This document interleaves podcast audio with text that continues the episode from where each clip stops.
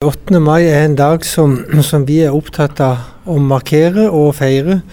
Fordi det er jo den dagen da vi fikk tilbake igjen friheten og freden etter fem år med okkupasjon og krig. Hva er um, hovedtema kan du si, for årets uh, markering av 8. mai?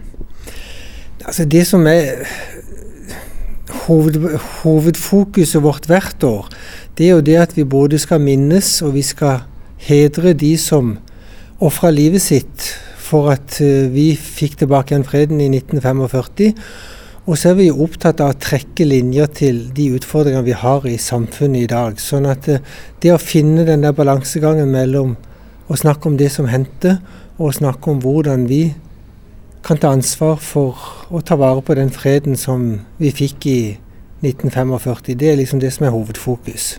Dagen starter jo da med, med, frokost i regi av eh, Røde Kors, men klokka tolv så, eh, så, skal en begynne å trekke disse linjene som du snakker om fram til, fram til i år, med, med, med en Utøya-overlevende Ylva Schwenke som, som, kommer og snakker litt om, om utfordringene som fremdeles finnes.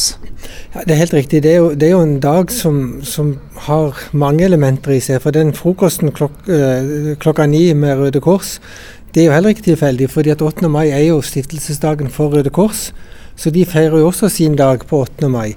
Og i tillegg til det så er jo 8. mai også eh, blitt valgt som datoen for eh, når vi skal feire og når vi skal markere de norske krigsveteraner, både historisk, men også de som har gjort tjeneste i utenlandsoperasjoner de siste årene. Så det er mange elementer i denne dagen. Men det er riktig klokka tolv da begynner vi våre arrangement her på Arkivet, hvor Ylva Svenke, som overlevde Utøya på et ganske mirak mirakuløst vis, forteller både om det hun opplevde den gangen, men hun har et sterkt engasjement for hvordan vi kan ta vare på demokratiet i samfunnet i dag.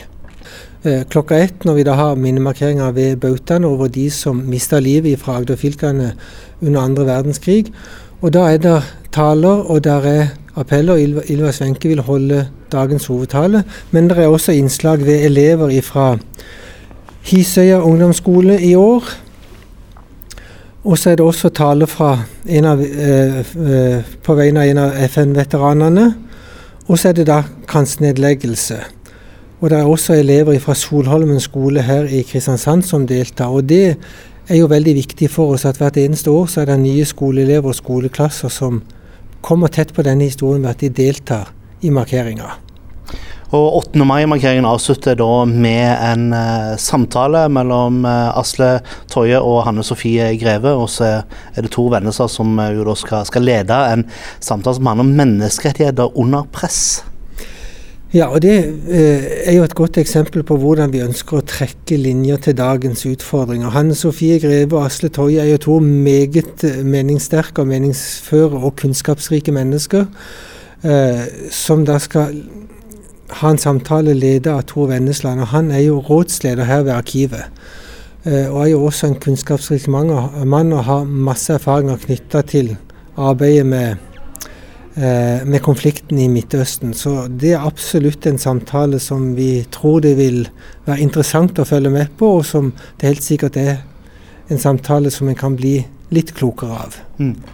Hva forventninger har du til, eh, til oppmøtet på, på frigjøringsdagen på Arkivet? Ne, altså vi, klokka ett, hvis det er sånn noenlunde fint vær, nå det er jo litt kjølig om dagen, men sola skinner jo, så pleier det å være en god del mennesker som, som kommer hit og er til stede ved den ganske høytidelige markeringer som vi har ved, ved minnebautaen. Og på kvelden så har vi jo plass til 160-70 mennesker her i den nye, flotte skillingssalen på Arkivet. Og vi, vi, håper at det er mange som vil komme hit og høre på en veldig spennende og interessant samtale.